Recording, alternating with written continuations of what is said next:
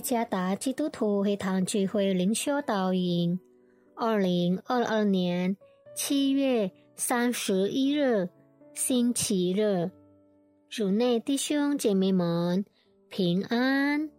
今天的灵修导引，我们会借着圣经马太福音二十八章第十六到二十节来思想今天的主题：有主同在的门徒。作者陈顺安传道。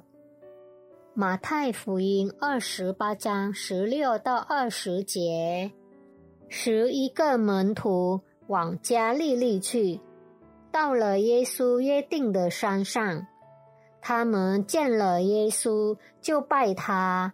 然而还有人疑惑。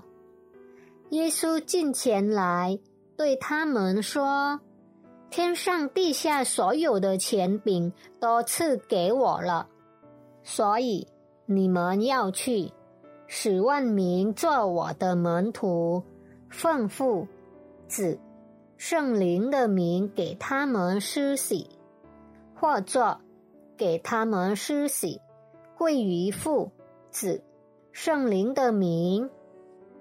凡我所吩咐你们的，都教训他们遵守。我就常与你们同在，直到世界的末了。当我们听到一些好消息时，无论好消息的内容是什么，必定会有感动，想要分享给有需要的其他人，因为我们希望别人也能一同感受到这幸福。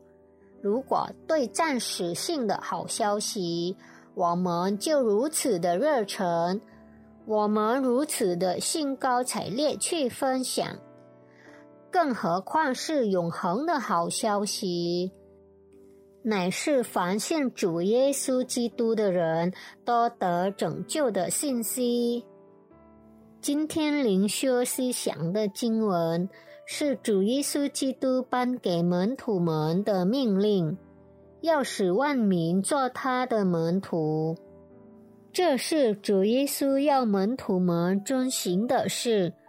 主耶稣渴望他的门徒不仅享受从他而来的救恩，更是努力做门徒训练的门徒，以便能达到实现主耶稣的渴望。他并不是仅仅传达命令而已，同时也应许当他们遵行使命时，从来都不会孤单。应主耶稣应许，在遵行他的大使命时，他常与他们同在。主内亲爱的弟兄姐妹们，凡信主耶稣的人都领受了救赎之恩。主耶稣不要我们把那好消息收藏起来，只留给自己。但也要与我们相遇的其他人分享这件事，实行起来真不容易。但我们不需要自卑，并不是一个人单独做的。